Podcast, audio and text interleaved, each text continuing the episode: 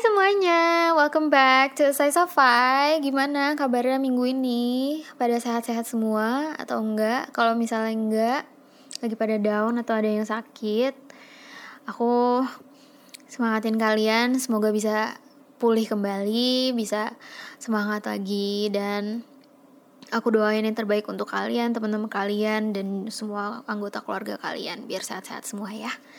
Enaknya minggu ini ada libur panjang, dari hari Jumat sampai hari Minggu. Walaupun sebenarnya kadang-kadang di rumah aja tapi nggak apa-apa. Semoga kalian bisa dapat istirahat yang cukup makan yang enak nonton Netflix yang seru-seru. Kayaknya ada beberapa film yang aku tunggu juga minggu ini keluar. Untuk episode kali ini aku uh, mau ngomongin tentang kesehatan mental. Karena aku ngerasa uh, selama pandemi ini banyak yang terkena dampaknya ya nggak cuma secara fisik aja tapi secara kesehatan mental juga. Either itu dari ada ya salah satu keluarga yang terkena atau dirinya sendiri atau pokoknya di lingkungan mereka. Aku pingin kalian bisa dapat sesuatu dari perbincangan ini biar kalian bisa pulih lagi kalian bisa tahu harus ngapain. Dan aku pingin kalian tahu bahwa kalian gak sendirian dan ada yang nge-support gitu. Walaupun kita gak kenal but aku masih berusaha supaya kalian bisa mendapatkan dampak yang positif dari perbincangan SLS Sofai gitu. Oke, untuk ngobrol-ngobrol kali ini aku ditemenin oleh Santi. Dia adalah salah satu co-founder dari sehatjiwa.id. Kalau misalnya kalian mau cek Instagram mereka itu @sehatjiwa.id. Dia backgroundnya psikologi.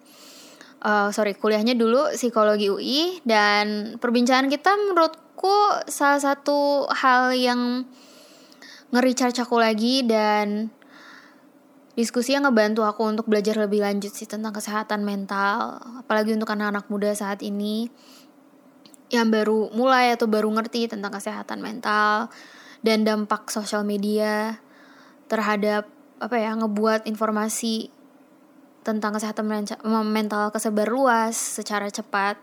Dan banyak juga orang-orang yang di luar sana yang suka self diagnose dan gimana cara sebenarnya kita bisa dapat apa ya diagnosis yang benar dan secara klinis melalui psikolog ataupun uh, melalui dokter. Dan juga aku juga nanya tentang eh, kasus-kasus uh, sebenarnya bukan kasus sih. Lebih kayak obrolan-obrolan tentang romantisasi kesehatan mental yang kadang-kadang suka ada di sosial media dan gimana caranya kita bisa nanggepin situasi itu. Yuk kita dengerin lebih lanjut perbincangannya. Let's go.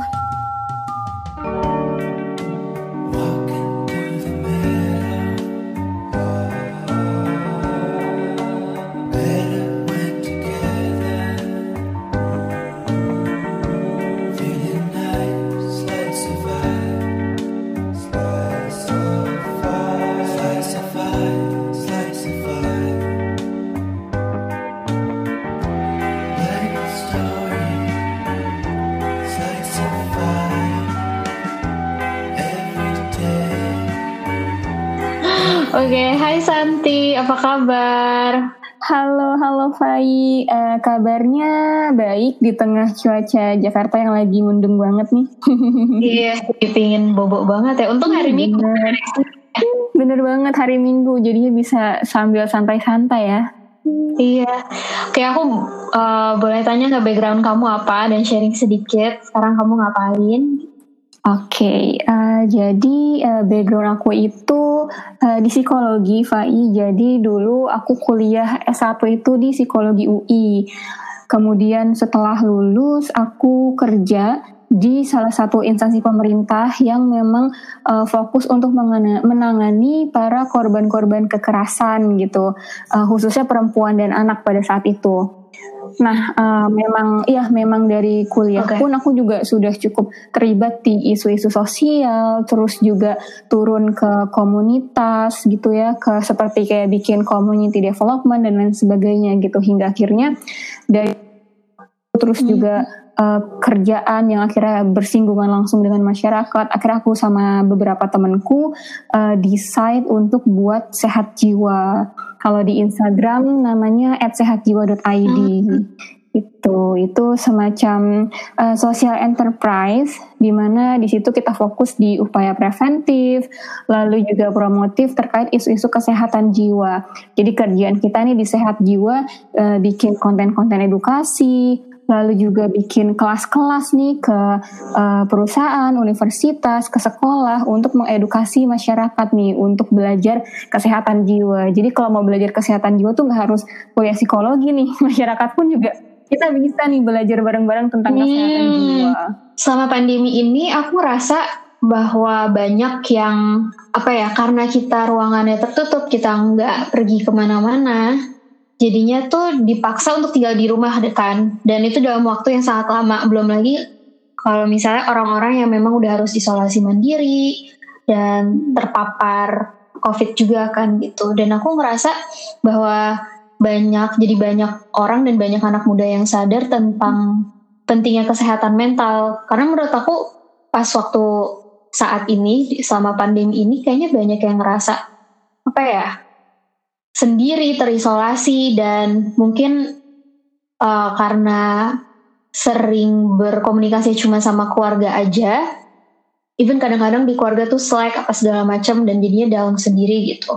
Nah, iya iya benar menurut kamu gimana? Fai. Jadi memang ya yang kita lihat gitu ya dari 2020 pas uh, pandemi tiba-tiba terjadi gitu ya itu kan kita semua kayak ada di satu kondisi yang benar-benar kita belum pernah hadapi gitu. Mana pernah sih kita kerja dari rumah, lalu Betul. juga sekolah dari rumah, semua serba dilakukan di rumah. Itu kan benar-benar something new banget ya buat kita semua gitu. Dan uh, di sini pula nih akhirnya yang tadi Fai yeah. juga bilang orang-orang jadi terisolasi gitu. Tapi uh, dengan kondisi ini kalau kita lihat dari uh, aspek kesehatan mental ya bisa dibilang awarenessnya memang meningkat Fai itu kelihatan banget di 2020 ini uh, organisasi Betul. komunitas itu bermunculan yang bawa isu kesehatan mental wah beda banget ketika ngebandingin dengan dulu 2018 gitu. Pas sehat jiwa berdiri itu masih sedikit banget yang ngebahas tentang isu ini dan kalau sekarang tuh udah banyak yang bikin proyek-proyek sosial udah banyak yang dijadiin komunitas gitu. Dan uh, which is ini semua itu sebenarnya bagus banget gitu di mana semua orang jadi bisa belajar banyak tentang kesehatan mental di mana pun gitu. Di Instagram, eh, website, terus juga YouTube hmm. gitu. Itu bagus banget. Dan balik lagi ketika kondisi terisolasi gitu ya dalam artian dan juga menghadapi ketidakpastian gitu kan uh, kita ngerasa ya bosen, kita ngerasa kok stres banget ya, kita ngerasa uh, burn out dengan kerjaan di rumah dan lain sebagainya gitu. Akhirnya kita mencarilah bantuan ini harus ke mana ya gitu. Nah makanya uh, pelayanan kesehatan mental juga cukup meningkat nih di pandemi ini gitu. Orang-orang pada cari uh, konseling ke psikolog, hmm. terus konsultasi ke konselor kayak gitu. Untuk apa? Untuk lebih membuat mereka istilahnya kayak stay sane lah gitu, tetap sehat, tetap bisa uh, hidup gitu dengan seperti biasanya gitu walaupun kondisinya lagi di rumah aja gitu ini suatu hal yang baik banget sih yang terjadi gitu ya bisa dibilang justru uh, hikmah kali ya hikmah dari adanya pandemi gitu orang-orang jadi banyak yang lebih sadar akan kondisi kesehatan jiwanya. Hmm, iya betul. Tapi sebenarnya kalau dilihat agak sedih juga ya karena uh, jadi lebih banyak orang atau anak muda yang sekarang malah ngerasa sebenarnya uh, kesehatan mental itu juga terganggu gitu. Dan aku merasa banyaknya kalau selama pandemi ini tuh lebih ke anxiety dan juga depresi. Karena ada ada rasa-rasa yang terisolasi, lo ngerasa sendiri, belum lagi anxiety karena kerjaan yang tetap berjalan seperti dulu kala, tapi um, waktunya nggak jelas, malah kalau misalnya pandemi hmm, kerjanya bener. waktunya makin kalang kabut karena ngerasa bisa dikerjain di rumah ya kan. Nah, gimana sih caranya iya. supaya iya. kita nah, bisa memang salah itu? satu dampak gitu ya ketika informasi tentang kesehatan jiwa itu banyak atau mudah kita temukan itu salah satunya adalah kita jadi mudah untuk self diagnose gitu. Jadi kayak mendiagnosa diri kita sendiri. Dan itu yang oh, mungkin oh, banyak dilakukan oleh anak-anak muda sekarang. Iya nggak sih yang tadi kamu bilang gitu? Anak-anak muda jadi sering ngerasa aduh kayaknya gue betul. anxiety. Kayaknya gue depresi. Jangan-jangan gue bipolar gitu. Jadi kayak mereka jadi menerka-nerka gitu. Nah, padahal Iya. uh, balik lagi nih, aku mungkin mau infoin juga di sini yang bisa mendiagnosa gitu ya kita punya gangguan apa gitu. Itu adalah profesional psikologi dalam artian di sini adalah psikolog ataupun psikiater dua itu gitu. Jadi kalau misalkan teman-teman uh, ngebaca Hmm. aja artikel gitu kan ada uh, gejala-gejala gitu terus teman-teman ngerasa wah ini aku banget nih gitu lalu langsung ngerasa wah berarti bener nih gue anxiety gitu. Ya. Iya. itu enggak sih teman-teman. Teman-teman tetap perlu untuk cross check lagi uh, ke profesional ke psikolog atau ke psikiater untuk memastikan apakah benar yang teman-teman rasakan ini adalah sebuah gangguan kayak gitu. Dan uh, balik lagi nih kalau untuk mencegahnya uh, ada banyak banget cara sih di tengah pandemi ini. Tapi menurutku yang paling penting adalah uh, kita tuh perlu untuk tetap connect gitu ya connect dengan orang lain walaupun di kondisinya lagi pandemi kayak gini. Terus tetap bisa untuk ngelakuin hal-hal yang mungkin uh, biasanya kita lakukan di luar rumah tapi akhirnya kita kita switch gitu ya kita sesuaikan jadi di dalam rumah. Contohnya kayak olahraga. Sekarang kan banyak yang pada olahraganya di rumah gitu. Nah itu juga It's okay gitu walaupun tempatnya berbeda tapi Hmm. esensi dari aktivitasnya tetap sama untuk diri kita sendiri gitu dan uh, untuk mencegahnya sebenarnya jadikanlah momen kita selagi di rumah aja tuh jadi momen refleksi diri jadi momen untuk uh, makin tahu Iya, nih sebenarnya diri kita tuh seperti apa sih gitu. Dan sebenarnya itu tuh yang banyak dilakukan juga oleh teman-teman di rumah Iya. gitu. Banyak yang ngerasa selama uh, lagi pandemi ini ternyata jadi bisa lebih uh, mengenal gitu dirinya seperti apa gitu. Iya, betul banget sih. Dan em, aku juga bisa bilang itu is a blessing in disguise ya. Karena em, selama pandemi ini aku juga jadi ngerasa bahwa banyak banget anak muda yang di sekeliling kita itu mengeluarkan potensi-potensi yang sebenarnya Hmm. mereka nggak tahu bahwa mereka punya. Contohnya banyak yang udah mulai jualan makanan, bisnisnya mulai walaupun itu kecil tapi mereka masih coba-coba. Habis itu kayak uh, mulai ada cooking challenge, masak-masak lucu, terus direkam, terus orang-orang nari di TikTok apa segala macam. Jadi sebenarnya ada hal-hal yang kita nggak sadarin bahwa oh ternyata gue bisa ngelakuin ini juga ya gitu. Dan aku juga um, apa namanya ngerasa dampaknya sih gitu. Apa Tapi ada yang sebenarnya aku concernin juga nih untuk kesehatan mental karena tadi kan kamu bilang kalau karena emang sudah banyaknya informasi di luar sana dan memang informasi ini mulai booming juga pada tahun ini karena pandemi. Aku ngerasa ada semacam kultur yang ngeromantisasiin yes. Ada kultur romantisasiin uh, kesehatan mental gitu.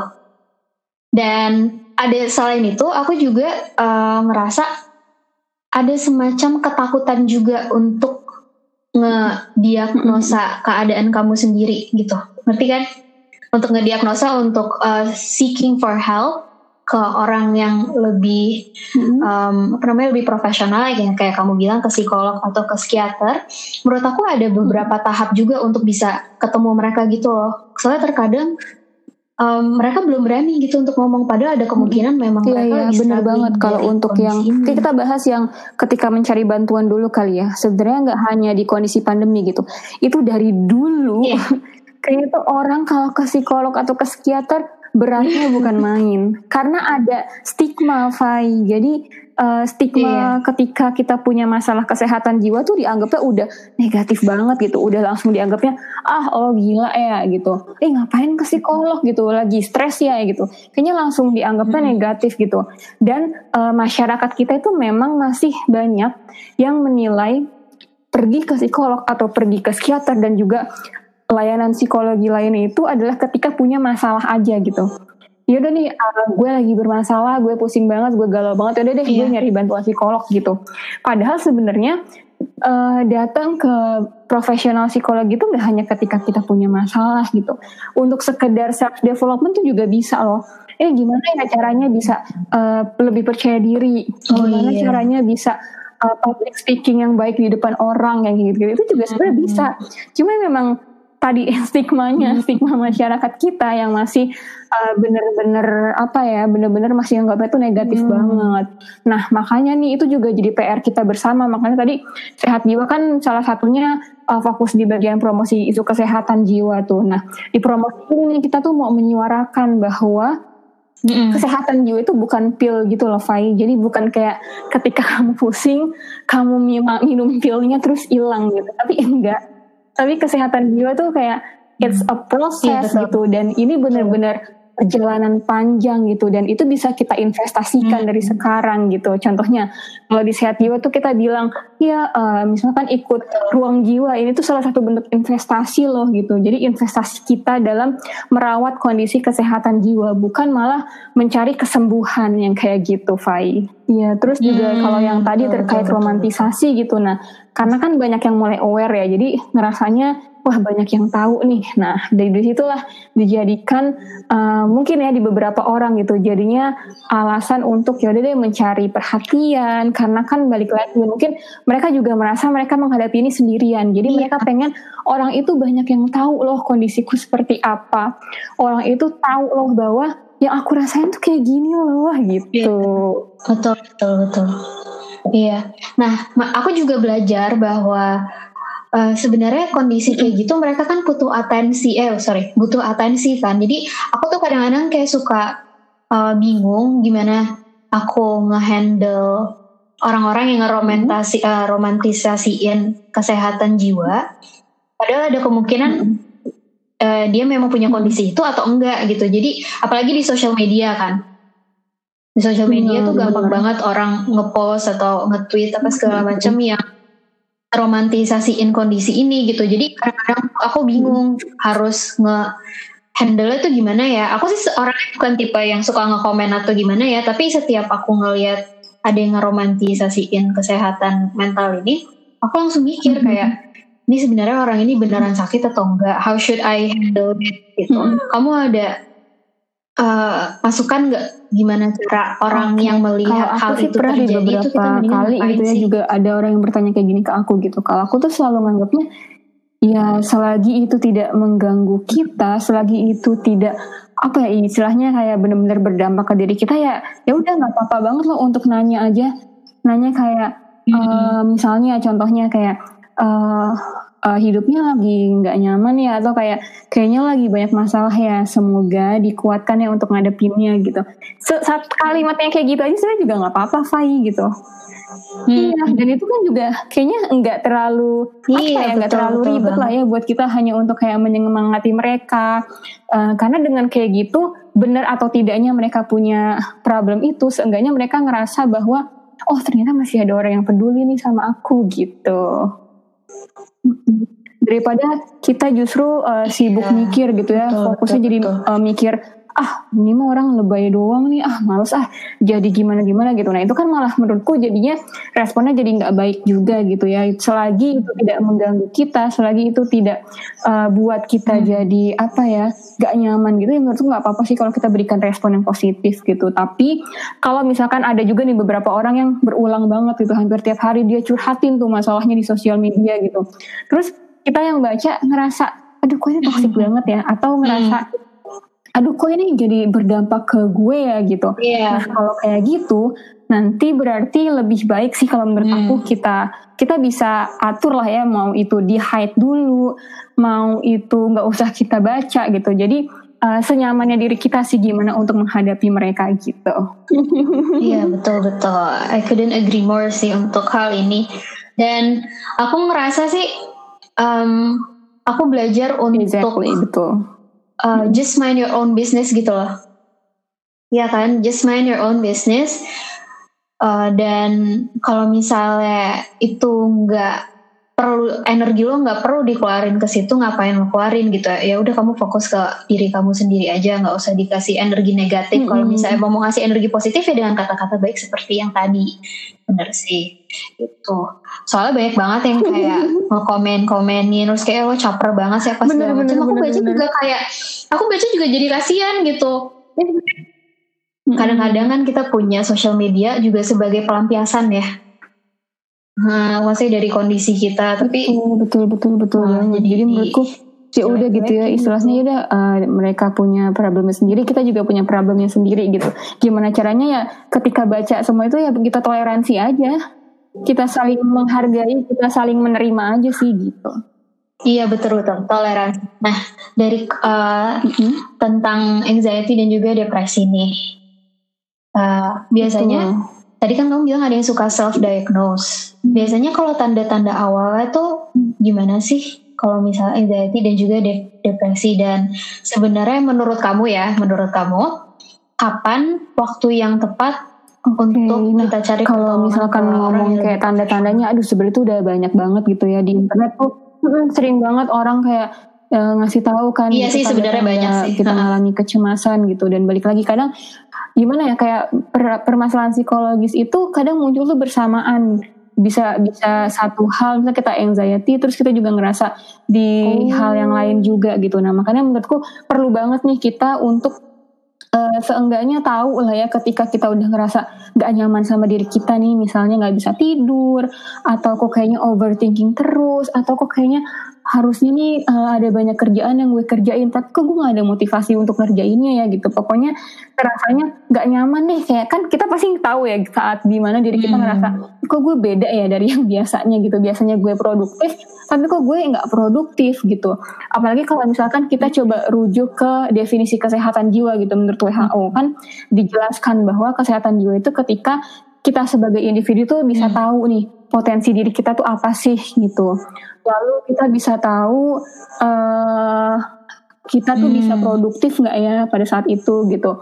Lalu di situ juga kita bisa tahu uh, kita bisa berkontribusi nggak ya untuk hmm. orang-orang di sekitar kita gitu. Nah kalau misalkan kita ngerasanya, duh kayaknya nih kok gue lagi nggak produktif banget, kok gue malah nggak jadi orang yang biasanya gue gitu. Nah, itu tuh boleh banget teman-teman udah mulai uh, ngasih sign yeah. lah gitu, ngasih tanda ke diri teman-teman bahwa oh mungkin nih kondisi kesehatan gue lagi nggak baik-baik aja gitu. Nah kalau misalkan itu dirasakannya sehari dua hari menurut itu sesuatu hal yang iya. wajar ya namanya uh, kita gitu kan sebagai manusia punya perasaan yang naik turun mood kita juga naik turun gitu jadi menurutku wajar kalau dialami sehari dua hari tapi Betul. kalau ternyata sudah berkelanjutan dalam artian wah ini dua minggu tetap kayak gitu gitu dua minggu kayak nggak punya gairah hidup. Bahkan kayak mikir bahwa kayaknya gue mau meninggal aja deh. Kayaknya gue nggak mau ada di dunia ini deh gitu. Nah menurutku kalau udah ada tanda-tanda seperti itu, nah maka teman-teman perlu banget nih untuk mencoba mencari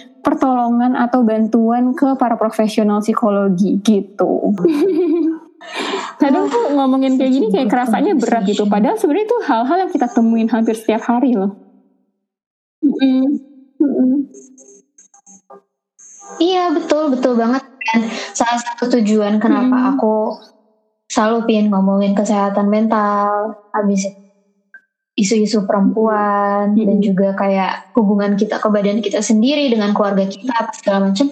Soalnya menurut aku hal-hal yang ini sebenarnya kita alamin setiap hari tapi hmm. jarang ada apa ya conversation atau perbincangan yang gue pingin kasih contoh bahwa Oh ya udah ini nggak apa-apa gitu untuk diomongin. Menurutku ya Fai itu juga karena ya sekarang kan udah teknologi secanggih apa ya gitu. Terus juga semua serba online. Soalnya kan sekarang tuh kita ada di era teknologi banget ya Fai ya gitu. Terus hmm. apalagi sekarang semua serba online mau ketemuan online bahkan seminar hmm. aja sekarang juga jadi online gitu. Nah uh, mungkin kalau kita flashback gitu ya ke masa-masa dulu kalau pas kita kecil mungkin ya kita ngelihat orang tua kita gitu. Dulu kan sesederhana orang pas beli sayur keluar itu sambil cerita wah iya di, di rumah tuh gini gini gini. Wah punya anak gini gini gini gitu. Jadi kan bebannya keluar tuh pas lagi beli sayur. Atau iya. ketika nongkrong di warkop juga sambil cerita gitu. Tapi kalau sekarang kan orang kita nggak kayak gitu lagi gitu. Mana mau gitu. Sama stranger yang tiba-tiba cerita Betul. gitu. Sama tukang saya tiba-tiba cerita gitu. Kan ada ada perubahan uh, budaya lah ya uh, dan menurutku itu juga sih yang akhirnya membuat isu kesehatan mental tuh bisa dibilang jadi nggak terselesaikan juga gitu. Orang-orang jadi banyak memendam terus stigmanya juga negatif gitu. Hingga hmm. akhirnya kayak bom waktu gitu. Masalahnya dipendam sendiri tahu-tahu di akhir meledak aja gitu. Iya bener biasanya kebanyakan soalnya aku juga kayak gitu gitu. Kan dari hmm. kecil um, apa ya dari kecil kita nggak tahu ya kalau misalnya keluarga lain kalau aku dari kecil tuh nggak pernah belajar untuk uh, sharing tentang perasaan aku tentang feeling aku tentang apa yang aku rasain gitu. Jadi sampai gede tuh jadinya tiba-tiba suka meledak aja gitu. Iya iya. Ya. keras dipendam Iya benar. Dari kecil juga kita nggak uh, ya banyak mungkin nggak semuanya sih. Tapi kalau yeah. dari aku juga aku nggak diajarin tuh apa itu emosi dan lain sebagainya gitu. Jadi aku belajar sendiri. That's why pengen banget sih sekarang tuh uh, dari kecil tuh orang-orang udah bisa belajar lah tentang emosinya dia gimana terus tentang kesehatan jiwanya gimana tentang dirinya gimana gitu. Iya betul banget. Kayak aku mau tanya sesuatu yang agak personal nih. Apa tuh kamu udah pernah ngerasain gangguan kesehatan mental atau enggak? Dan hmm. gimana orang-orang di sekeliling kamu bereaksi dan juga sebaliknya? Kalau dibilangnya gangguan belum pernah sih, karena kalau gangguan itu sebenarnya udah diagnosa. Gangguan tuh berarti hmm. oh udah hmm. didiagnosa nih sama psikolog atau psikiater gitu. Tapi kalau hmm. problem sih itu problem problem kesehatan jiwa kayak yang ngerasa stres, ngerasa galau, mungkin hmm. ngerasa overthinking ya tentu pernah gitu. Kita kan manusia biasa ya yang tidak luput yeah. dari perasaan-perasaan kayak gitu gitu. Dan kalau dari aku sih, aku selalu melakukan apa yang pengen aku lakukan pada saat itu gitu. Selagi itu tidak uh, menyakiti orang lain dan itu bisa membuat aku jadi jauh lebih tenang gitu. Contohnya, aku lagi resah gitu resah mikirin uh, karir contohnya gitu. Nah biasanya aku bikin tulisan entah itu di Instagram, entah itu hmm. di Twitter ya udah tentang tentang hal karir kayak gitu gitu supaya apa? Supaya keresahan aku itu keluar gitu. Atau biasanya aku langsung cerita ke temenku gitu. Jadi itu sih yang biasanya aku lakukan gitu. Jadi kadang tuh orang-orang tahu nih kalau misalkan aku ngebahas sesuatu hal gitu di Instastoryku gitu. Aku suka bahas topik-topik hmm. tertentu kan. Itu bisa jadi karena aku tuh resah tentang topik itu gitu. Jadi aku hmm. keluarkan dalam bentuk interaksi gitu dengan uh, teman-temanku di Instagram atau aku justru jadinya malah kayak diskusi bareng gitu supaya keresahanku kayak oh hilang gitu karena udah keluar di situ gitu sih biasanya aku. Iya betul. Dan menurut aku ini juga termasuk exercise yang lumayan sehat ya karena hmm. ada kemungkinan kita nggak bisa mengekspresikan kerasahan kita dengan baik dan emang itu membutuhkan proses juga ya untuk betul. bisa mendapatkan medium yang tepat untuk kita bisa sharing kayak yang cerita aku ceritain tadi ada beberapa hmm. orang yang memang misalnya mereka uh, pingin sharingnya lewat Twitter atau melalui sosial media kayak hmm. kamu supaya mereka bisa ngerilis energi itu kan energi hmm. yang gak enak itu tapi ada juga yang kayak suka nulis jurnal atau bikin lagu gitu kan hmm. orang-orang beda beda kalau aku sendiri aku suka ya nulis jurnal atau nulis di buku hmm. atau gitu atau uh, aku baru sadar ini sekarang melalui podcast benar topiknya topik-topiknya yang aku pingin apa ya pingin, iya pingin bahas dan pingin belajar dari orang lain gitu. Mm-hmm. emang kayak kadang-kadang orang juga nggak sadar ya bahwa sebenarnya mereka memberikan apa ya cara mereka untuk menyampaikan apa yang mereka rasakan itu beda-beda gitu betul, medianya. Betul banget betul banget. Dan balik lagi karena tiap individu itu juga berbeda individu itu individu itu juga unik jadi ya memang kadang apa yang mungkin itu bisa aku lakukan dan itu cocok untukku belum tentu cocok untuk Fai gitu kan. Iya betul. harus apa ya harus kreatif juga nyoba ini nyoba itu dan gak putus asa sih ketika satu cara tidak berhasil hmm. pasti banyak cara yang lain gitu. Iya betul betul banget dan emang kalau misalnya kesehatan mental tuh nggak bisa kayak yang kamu bilang tadi itu bukan satu pil atau obat hmm. yang cuma kali minum dan hilang memang itu suatu proses gitu. Betul banget. Emang harus dicari terus mm-hmm. dan yang aku belajar juga setiap ada satu masalah yang kita sebenarnya coba untuk atasi mm-hmm. dan misalnya cara yang ini nggak cocok cara itu nggak cocok emang butuh apa ya butuh power yang lebih besar untuk lo mau coba lagi gitu loh dan setiap milestone yang kita udah lewatin itu memang harus di apa ya harus disyukurin harus di appreciate bahwa oh ya gue udah ngelakuin ini kamu udah coba sebesar ini udah coba misalnya proses A proses B jangan mengecilkan diri sendiri gitu loh. Bener banget lagi. Setuju setuju. Setuju setuju. Oke. Okay. tapi untuk keluarga kamu sendiri kayak gimana? Atau orang-orang sekeliling kamu? Apakah mereka jadi belajar lebih banyak. jadi belajar Betul. lebih banyak sih dan karena biasanya tuh ya aku karena aku mengkomunikasikan sih Fai. Aku mengkomunikasikan aduh lagi bete aduh lagi sedih gitu. Dan soalnya mereka paham gitu. Kan problemnya sebenarnya ketika terjadi konflik gitu ya di relasi itu adalah kalau apa yang kita rasakan tuh nggak dipahami oleh orang lain kan gitu. Sedangkan iya betul. orang lain kan nggak bisa menerawang. Mereka nggak bisa nebak-nebak nih kita lagi. Kenapa gitu? Salah satu caranya adalah ya kita ngomong gitu. Nah menurutku Iya. nih teman-teman di sini eh, yang dengerin gitu ya it's okay banget untuk sharing untuk ngobrol gitu ke orang-orang yang kalian percaya gitu. Supaya sesederhana mereka bisa paham aja gitu Iya, dan itu jadi menurut aku juga jadi prevention sih. iya betul betul Jadi betul. mencegah untuk bisa mengkomunikasikan apa yang kamu rasain. Mm-mm, betul betul Supaya nggak kependem di dalam. Malah kalau misalnya dikependem terus, itu malah bisa jadi yang lebih parah gitu. Mm-mm, setuju setuju Oke, untuk penutup conversation kita, kamu ada inspirasi nggak pada saat ini yang ngebikin kamu senang, kayak dari buku, film, orang, aja, atau even kayak akun Instagram? Mhm. Oke, kalau dibilang inspirasi sebenarnya hal yang membuat aku masih terus berjalan di isu kesehatan mental ini terus masih tetap jadi inspirasiku adalah sebenarnya orang-orang yang udah pernah aku temuin si Fai gitu. Hmm. Uh, dulu aku inget banget, aku pernah road trip, aku ke Semarang, aku ke Jogja, ke Surabaya, ke Malang gitu, untuk ketemu teman-teman di sana gitu dan belajar bareng tentang kesehatan jiwa di sana. And then aku tuh ngerasanya bahwa gila teman-teman di daerah itu uh, mereka tuh uh, dulu ya pada saat itu mereka bingung gitu, mereka harus akses uh, kesehatan jiwa gimana mau belajar kesehatan jiwa gimana gitu. Jadi ada uh, teman-teman yang datangnya itu dari luar kota justru. Jadi misalkan mereka datang kayak misalnya aku pas di di Semarang gitu.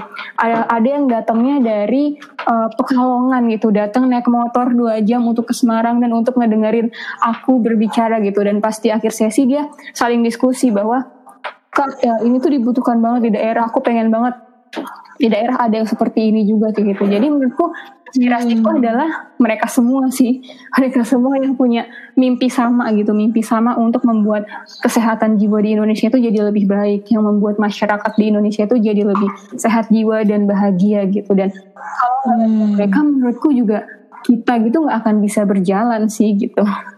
Kita nggak akan bisa tetap ada sampai saat ini gitu. Kita juga nggak bisa akan tetap uh, menghidupkan mimpi kita gitu. Kalau nggak didukung oleh mimpi-mimpi uh, banyak orang di luar sana gitu, Fai.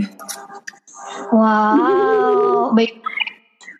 Em, aku penasaran deh sama kerjaan kamu. Berarti kamu kan di instansi pemerintah ya? Kalau sekarang udah nggak. Sekarang aku uh, sekarang aku full untuk uh, ngembangin sehat jiwa dan ada beberapa project begitulah yang masih berkaitan dengan Ah. psikologi juga. I see. Tapi yang kamu jalan-jalan ke daerah gitu-gitu dari sehat jiwa atau dari Dari sehat jiwa itu pure sendiri loh itu. Wah. itu juga karena lagi Oh. lagi patah hati, file lagi patah hati. Akhirnya aku abis itu mutusin resign kerja. Lalu tapi patah hatinya bukan karena relationship cintaan ya, tapi karena adalah sesuatu hal gitu mengolok-olok galau. Aku akhirnya aku road trip. Aku road trip dari Pulau Jawa sampai ke Pulau Bali. Nah di setiap kota aku decide untuk ya udah deh sekalian bikin event aja gitu. Wow, keren banget. Tadi berarti bareng-bareng sama tim sehat jiwa juga ya? No sendiri loh. Oh sendiri? sendiri. Oh my god. sendiri tapi tapi akhirnya di tiap kota ada aja sih ketemu orang yang kira mau ngebantuin untuk uh, setting tempat untuk ngurusin reservasi Oh, dan lain-lainnya gitu Oh my god, keren banget sih. Itu sebenarnya selain apa ya? Selain kamu punya ilmunya juga harus nekat Iya, ya. betul. Harus ada keberanian Betul, loh kalau misalnya kayak gitu. betul banget betul banget nggak bisa ya istilahnya ya kalau misalkan kita nggak ngelakuin kita nggak mencoba ya kita nggak akan tahu sih sebenarnya apa yang ada di luar sana gitu Iya. betul. Tapi itu termasuk kayak cita-cita kamu nggak untuk bisa bikin acara atau seminar bisa ngebantu kesehatan mental anak-anak muda? Gitu? Yap, itu salah satu yang dimauin atau dari salah satu tujuan atau salah satu yang memang uh, dilakukan di sehat jiwa sih gitu. Kita punya mimpi bahwa kita pengen banget punya Indonesia yang sehat jiwa dan bahagia dari Sabang sampai Merauke gitu. Kan Sabang sampai wow. Merauke itu luas banget ya. Dan kita pengen ya, betul. akses kesehatan jiwa, layanan kesehatan jiwa itu nggak cuma ada di kota-kota besar Terus kita juga pengen uh, bisa diakses oleh berbagai masyarakat dari tingkat ekonomi yang beragam gitu, nggak hanya yang orang beruang aja gitu. Yeah. Karena banyak yang bilang bahwa kesehatan jiwa itu kayak barang mahal, kesehatan jiwa itu kayak yeah. uh, sesuatu hal yang aduh paling bisa diakses uh, oleh orang-orang yang beruang gitu. Nah di sehat jiwa kita berusaha banget sih, pengen banget menyediakan layanan kesehatan jiwa yang lebih terjangkau lah untuk teman-teman di daerah-daerah gitu. Iya betul banget sih keren banget Pak. jangan lupa deh follow sehatjiwa.id. Betul, jangan lupa jangan lupa untuk untuk dapat edukasi lebih lanjut tentang kesehatan jiwa atau kesehatan mental. Dan ada banyak banget nih ada layanan psikologinya juga. Terus ada sekolahnya juga ya. Ya kita ke sekolah-sekolah juga. Atau atau teman-teman pengen perusahaannya gitu nanti ada edukasi kesehatan jiwa boleh banget kontak kita. Iya. Udah itu aja sih. Thank you so much Sati. Conversation. Terima kasih banyak udah mau ikut dan kolaborasi di SSFI. Semoga semua cita-cita kamu bisa kamu capai dan bisa memberikan dampak yang banyak banget yang positif. Amin. Ke lebih orang untuk kesehatan mental mereka. Amin, amin. Sukses juga untuk Slice of Five. Semoga bisa terus nah, thank terus you. Uh, menghadirkan topik-topik yang seru nih supaya nambah wawasan pendengarnya juga. Iya, thank you so much. Have a great day. Yeah, you too. Sampai ketemu lagi, Pak. Bye. Bye.